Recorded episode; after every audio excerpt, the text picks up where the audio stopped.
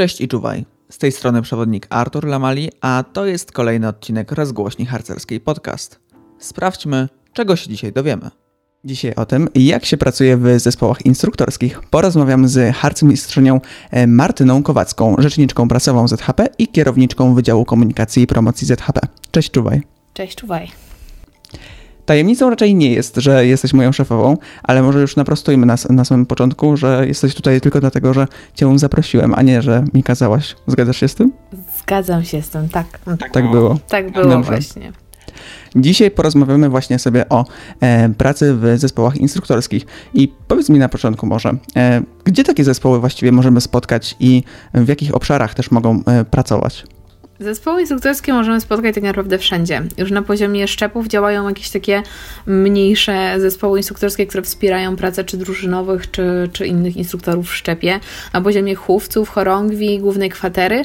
I to są bardzo różne zespoły. Czasami to są zespoły, które działają w trybie powiedzmy ciągłym, czyli jak na przykład ten Wydział Komunikacji i Promocji, e, ale są też bardzo często to zespoły takie zadaniowe do, nie wiem, zorganizowania rajdu chówca albo stulecia chorągwi. A więc to tak naprawdę te, te zespoły instruktorskie to takie małe, małe grupy, które pomagają w realizacji poszczególnych celów naszej organizacji. No i właśnie, tam gdzie jest potrzeba, to wtedy jest powoływany taki zespół. No właśnie, gdzie tam, gdzie jest potrzeba, a tak naprawdę wydaje mi się, że gdzieś tam te nasze zespoły instruktorskie powstają właśnie e, z osób, które też zajmują się tym w jakiś sposób zawodowo często. Co według Ciebie tak najbardziej motywuje e, takie osoby, które powiedzmy przez te 8 godzin e, zajmują się swoją jakąś działką, a potem jeszcze po godzinach stwierdzają, że no to mam czas na harcerstwo i że chcą w jakiś sposób zająć się tym też, tym swoim kierunkiem zawodowym, również jako wolontariat? To jest w ogóle dobre pytanie. To trzeba by chyba ich zapytać, co ich motywuje, bo każdego z nas motywuje coś innego. Ale gdybym miała tak się zastanowić e, ogólnie, jak to wygląda, albo wśród osób, z którymi ja mam okazję współpracować, to chyba to, że mogą przełożyć te rzeczy, których właśnie nauczyli się w pracy, czy wyciągnęli ze studiów i czym zajmują się na co dzień, żeby wesprzeć to harcerstwo i wesprzeć rozwój organizacji, przez co również rozwój każdego pojedynczego harcerza i harcerki, e, którzy są członkami ZHP. Myślę, że to była odpowiedź. Drugą rzeczą, która motywuje e, te osoby, to jest ta ta społeczność po prostu myślę. To, że harcerstwo e, jest taką grupą często zgranych przyjaciół, osób, które, e, które się znają, e, a nawet jak się nie znają, to łapią ze sobą bardzo szybki kontakt i to właśnie to, to, to robienie wspólnie rzeczy z ludźmi, którzy myślą tak samo i którzy mają te same cele, co my też motywuje do działania i że mimo tego właśnie, że po 8 godzinach pracy w zawodzie chcemy jeszcze coś zrobić w tym samym, powiedzmy, obszarze w organizacji wolontariackiej. No właśnie, bo to często są e, graficy, ale też osoby nawet e, od pozyskiwania środków, czy też od zarządzania w, w jakiś sposób majątkiem, w końcu nawet na poziomie chówca. E, tak naprawdę takie osoby też i takie zespoły też powstają.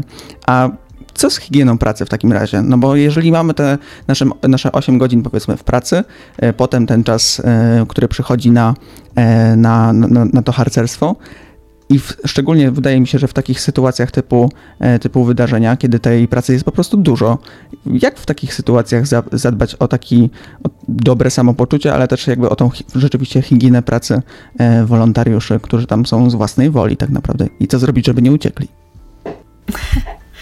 E, to może najpierw co zrobić, żeby nie uciekli. Myślę, że to, to będzie szybszą sprawą.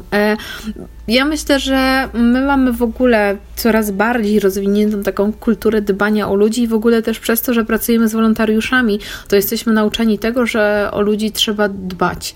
E, to też w ogóle świetnie nam pokazał przykład Gali Dnia Myśli Braterskiej, gdzie mieliśmy zawodowych muzyków, którzy na koniec byli super wdzięczni i w ogóle zszokowani, jak bardzo się nimi zaopiekowaliśmy. A dla nas to było coś bardzo oczywistego, to, że nie wiem, mieli herbatę y, i, i kawę, której się mogli napić, To, że ktoś ich pytał, czy czegoś nie potrzebują, ktoś ich zaprowadził do tej sali, w której mają być. Na koniec dostali jakieś dyplomy z podziękowaniem, gdzie dla nas to jest takie no, oczywiste, że się ludziom dziękuję. To oni byli w dużym szoku i nam wręcz mówili, że kurczę, jego te, te, a my tam jeszcze oczywiście nasza mentalność tej się włączyła pod tytułem przepraszamy za wszystkie niedociągnięcia, robili to wolontariusze. No usłyszeliśmy, że no halo, jakby nie macie się czego wstydzić, to nie jedno tutaj komercyjne wydarzenie powinno się od Was uczyć właśnie tego dbania o ludzi, e, a więc i tutaj właśnie są czasem takie małe rzeczy, to żeby zadbać o to, żeby, żeby ci wolontariusze właśnie mieli co zjeść, żeby zjedli ciepły obiad, e, żeby mieli gdzie, gdzie, się, gdzie spać i to w, w jakichś przyzwoitych warunkach, e, żeby mieli gdzie skorzystać nie wiem, z prysznica, albo właśnie, żeby pamiętać o tym, żeby im dziękować.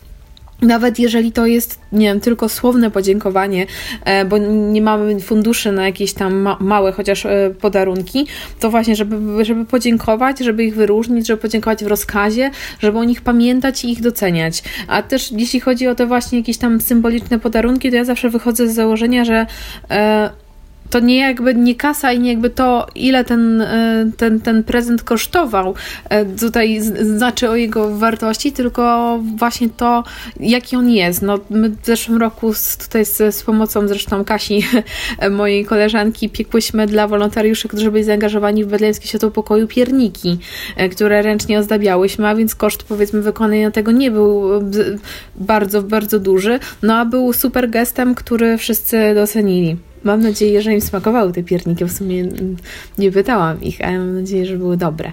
E, a Twoje pierwsze pytanie dotyczyło higieny pracy. E, jak zrobić, jak zadbać o tych wolontariuszy, żeby mimo tych 8 godzin swojej pracy i później angażowania się w wolontariatku gdzieś zachowali ten, ten balans.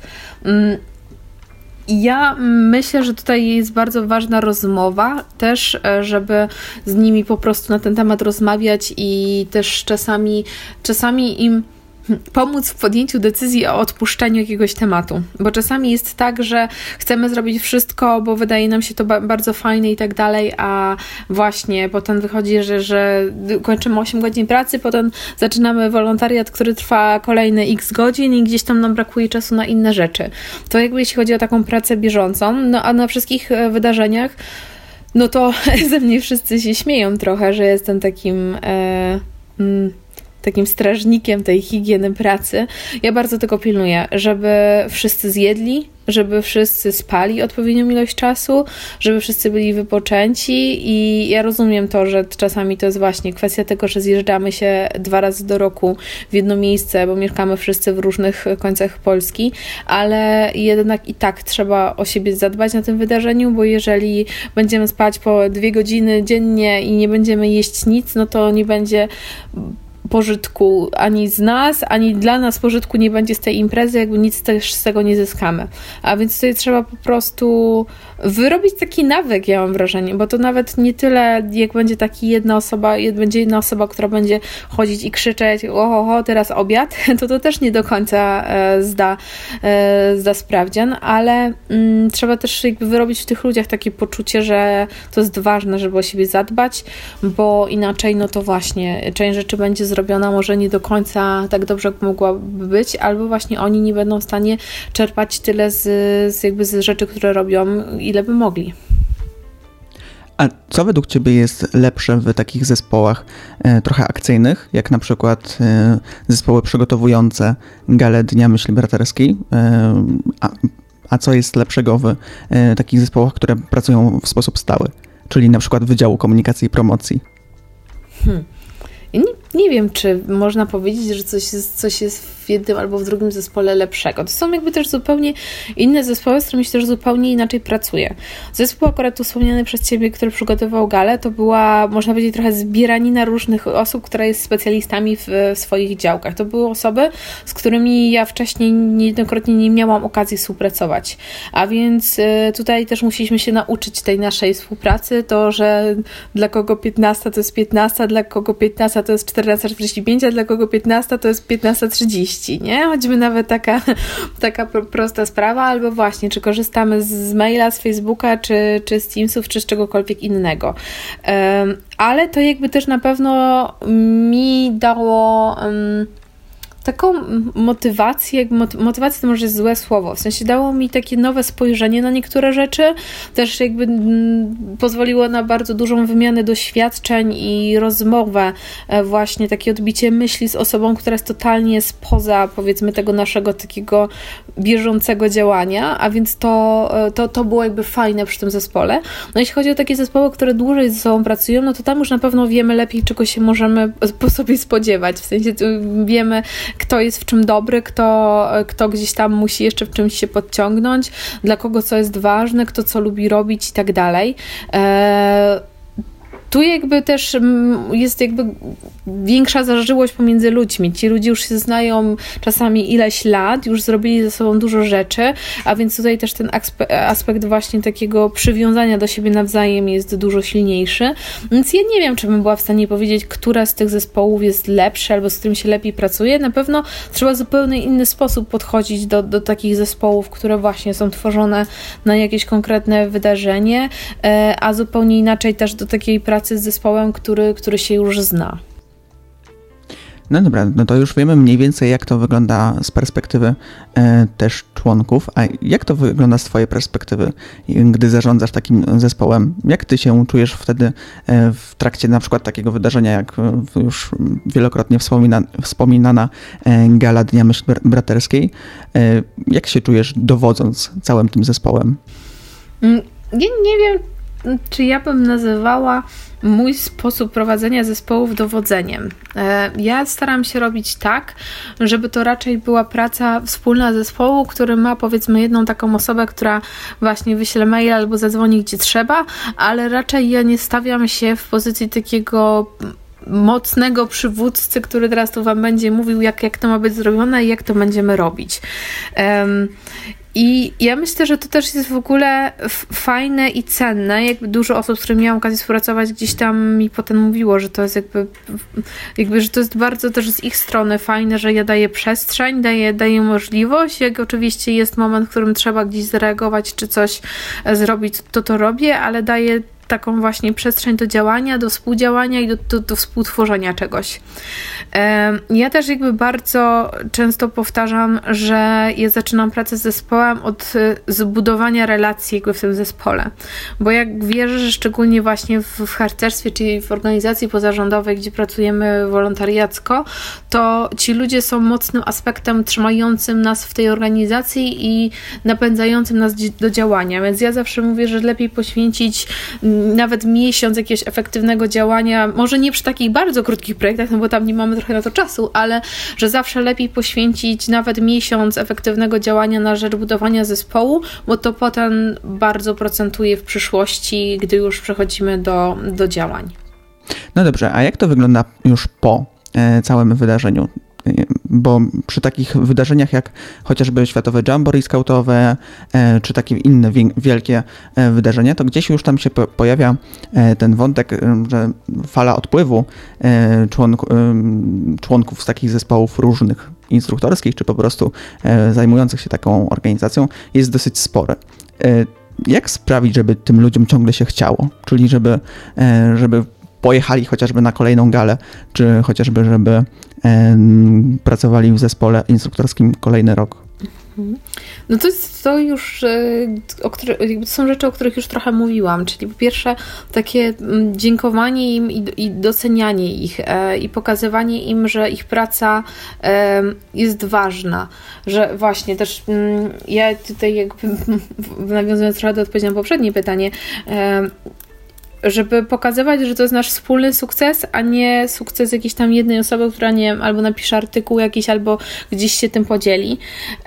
No i druga rzecz to ten e, dbanie o ten balans, o tą higienę pracy, żeby to nie było tak obciążające, e, że potem po imprezie już mówimy, Boże święty, to przecież to się skończyło, ja już mam dość, w ogóle jakby koniec.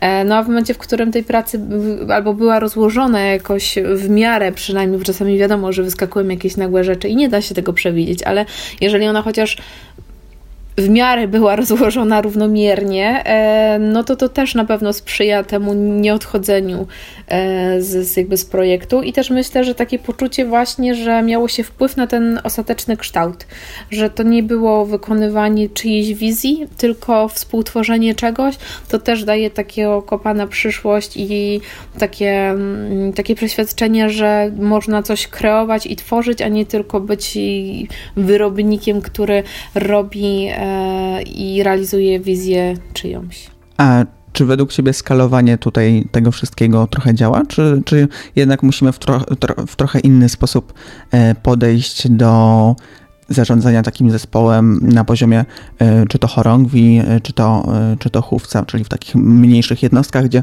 te wydarzenia po prostu często też nie są jakieś takie bardzo, bardzo atrakcyjne, że po prostu chcemy tam pojechać jako uczestnicy, e, chociażby jak Gala Dnia Myśli Braterskiej. Czyli czy te, to, o czym mówisz, da się też e, pociągnąć zarówno w górę do większych rozmiarów, jak i, jak i w dół, czy to sprawdza się tylko na określonym poziomie e, zespołu, czy też po, poziomie organizacji? Nie, myślę, że jak najbardziej. Te rzeczy, o których mówię, to się sprawdzają w różnych, e, w różnych zespołach, na różnych poziomach organizacji. Ja sama jakby pracowałam w wielu zespołach, czy na poziomie chówca, czy tam gdzieś przed nawet na poziomie chorągwi, ale też tu jakby trzeba zawsze pamiętać o tym, że musimy mm, poznać ludzi, z którymi pracujemy. I też jakby ten to jakby prowadzenie zespołu, tą pracę w zespole zawsze jednak e, organizować pod tych ludzi, których mamy w zespole, tak żeby, żeby to po pierwsze właśnie jakby pomagało w osiągnięciu celu, a po drugie, żeby tym ludziom było dobrze, żeby nie było sytuacji takich, po których że kończy się impreza właśnie i ktoś stwierdzi, dobra, jakby już koniec, nie? Jakby wystarczy, już, już więcej nic nie robię. No bo też tych projektów tak naprawdę no trochę już za sobą masz, czy też e, zespołów. Jakie są takie największe wyzwania też dla ciebie, gdy prowadzisz taki zespół czy projekt? Tych wyzwań jest całkiem sporo, wbrew pozorom. E, no jednym takim, który tutaj akurat wiąże się z tym, że ja pracuję w, w harcerstwie, no to, że właśnie wolontariusze działają w innych godzinach niż godziny mojej pracy, a więc ja e, pracuję 8-16, wolontariusze mogą się spotykać gdzieś tam popołudniami, wieczorami, więc to jest jakieś takie wyzwanie, jakby żeby sobie prze, zaplanować inaczej dzień i pracę. Kolejnym wyzwaniem jest kwestia tego, e, że każdy z nas pracuje w innym momencie dnia. Ja jestem osobą, która chodzi bardzo szybko spać, wstaje do, dość wcześnie e, i tak funkcjonuje, a są osoby, które znowu dopiero o 22 to one są w stanie cokolwiek wymyśleć, a więc to jest też sporym wyzwaniem, szczególnie przy takich jakichś właśnie kreatywnych wydarzeniach, znaczy wydarzeniach, które wymagają kreatywności, że każdy z nas funkcjonuje w innych godzinach. Też różny poziom e, wiedzy i też to, jeżeli jesteśmy zespołem takim zbieranym z różnych części Polski, no bo jesteśmy jednym związkiem harcerstwa polskiego, ale jednak on, te, jakby te nasze jednostki działają czasami w trochę inny sposób albo kładą akcenty w innych miejscach. I to też czasami jest sporym wyzwaniem, że dla mnie, nie wiem, o nawet piosenka, na rozpoczęcie czy zakończenie dnia, czy nawet na zakończenie zbiórki. Dla mnie to jest oczywiste, że to jest tam jakaś piosenka, a dla kogoś innego to jest jakby zupełnie inna. E, a więc to są czasami takie właśnie różnice w, w podejściu do harcerstwa i też w, w jakichś elementach um, tego, tego działania. Mm, I też, no teraz ostatnio, no to dużym wyzwaniem jest e, praca online jednak, bo to utrzymanie e, zainteresowanie takiego otwartego umysłu, pracując cały czas online i spotykając się z tyloma osobami i też jakby mamy już wszystko jakby w sferze online. Mamy studia, e, pracę, a potem jeszcze mamy usiąść do, do pracy wolontariackiej też e, za pośrednictwem komputera, no to to też jest jakby duże, duże wyzwanie. A czy w pracy zespołów instruktorskich, czy tych zespołów projektu, projektowych w naszym przypadku jest jeszcze miejsce na harcerstwo, czy to już jest moment, kiedy raczej nie stajemy na koniec dnia w kręgu i się i nie zawiązujemy chociażby kręgu, czyli kręgu, czyli gdzieś tam tej naszej obrzędowości harcerskiej, czy też w przypadku innych zespołów z innych e, organizacji, chociażby jakichś takich zakończeń dnia, takich niby obrzędowych to jest jeszcze miejsce na to harcerstwo i na to powiedzenie sobie, co, e, zrobili, co dzisiaj fajnego zrobiliśmy, czy nie ma?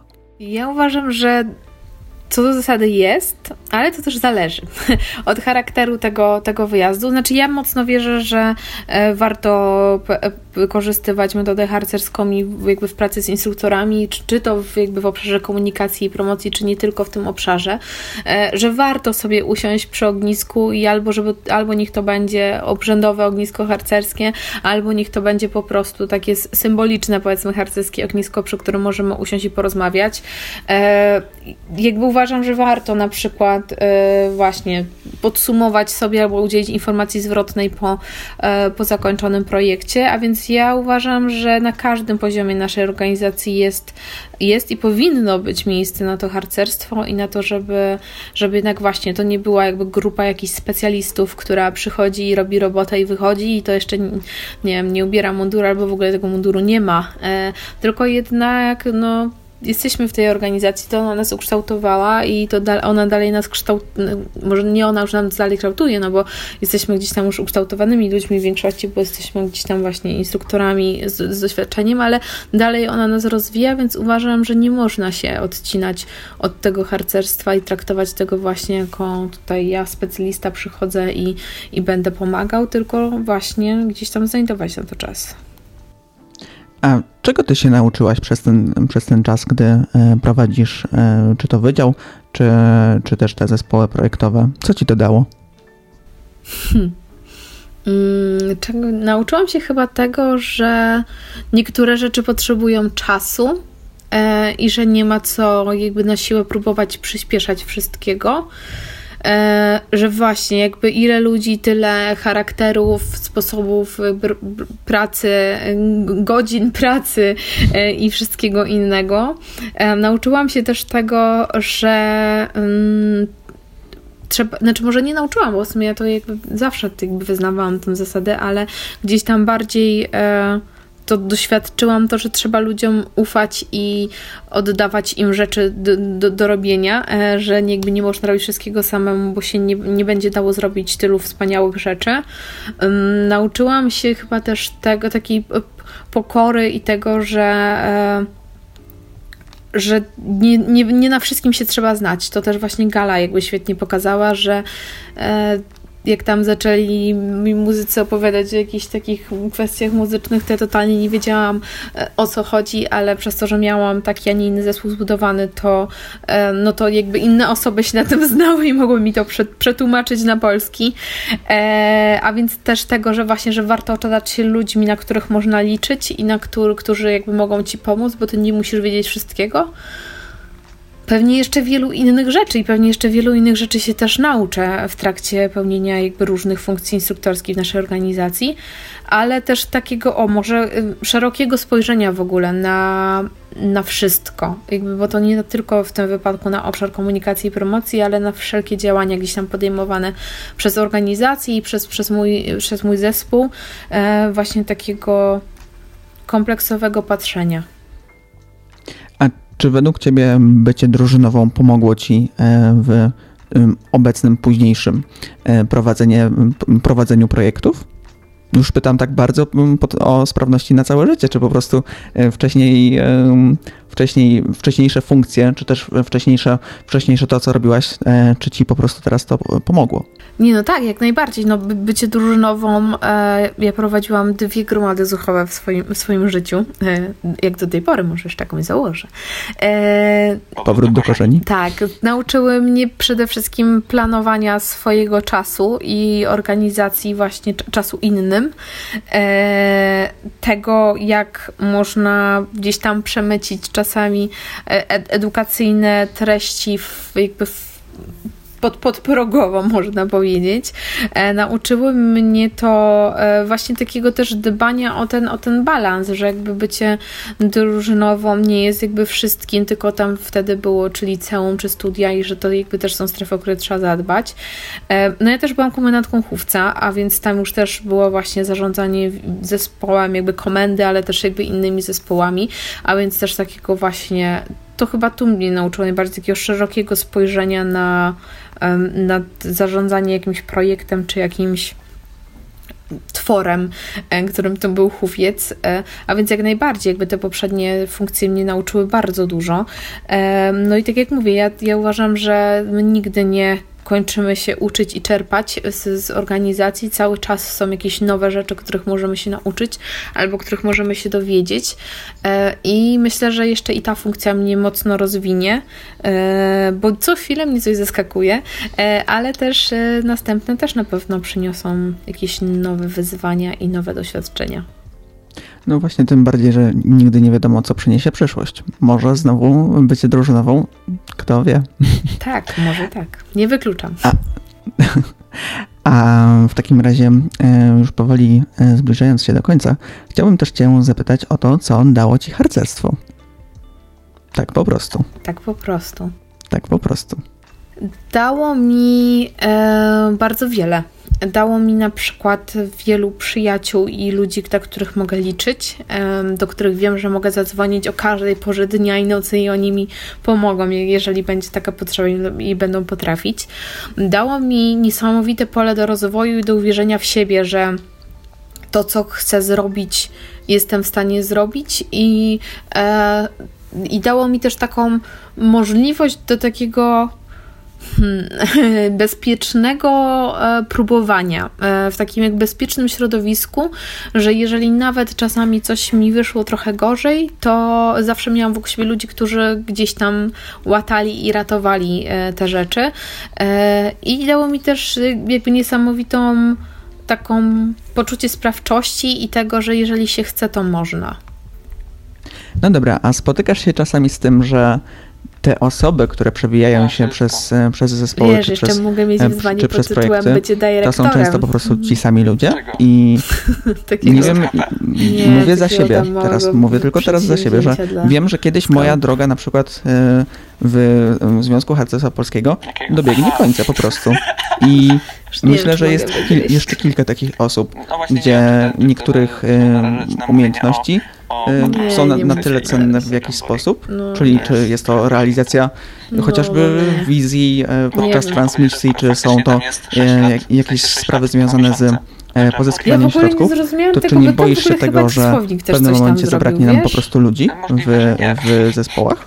Możliwe, że to tak, w sensie ja się wielokrotnie na tym zastanawiałam, że my my na, na poziomie centralnym, ja to teraz jakby najbardziej obserwuję, e, bardzo często jest tak, że te same osoby rob, jakby tworzą na tej samej funkcji e, jakieś różne wydarzenia mm, i też gdzieś mam w tyle taką obawę, że właśnie, żeby kiedyś nie obudzić się z przysłowiową ręką w nocniku, e, żeby nie mieć osób, które mogą się jakimś tematem zająć.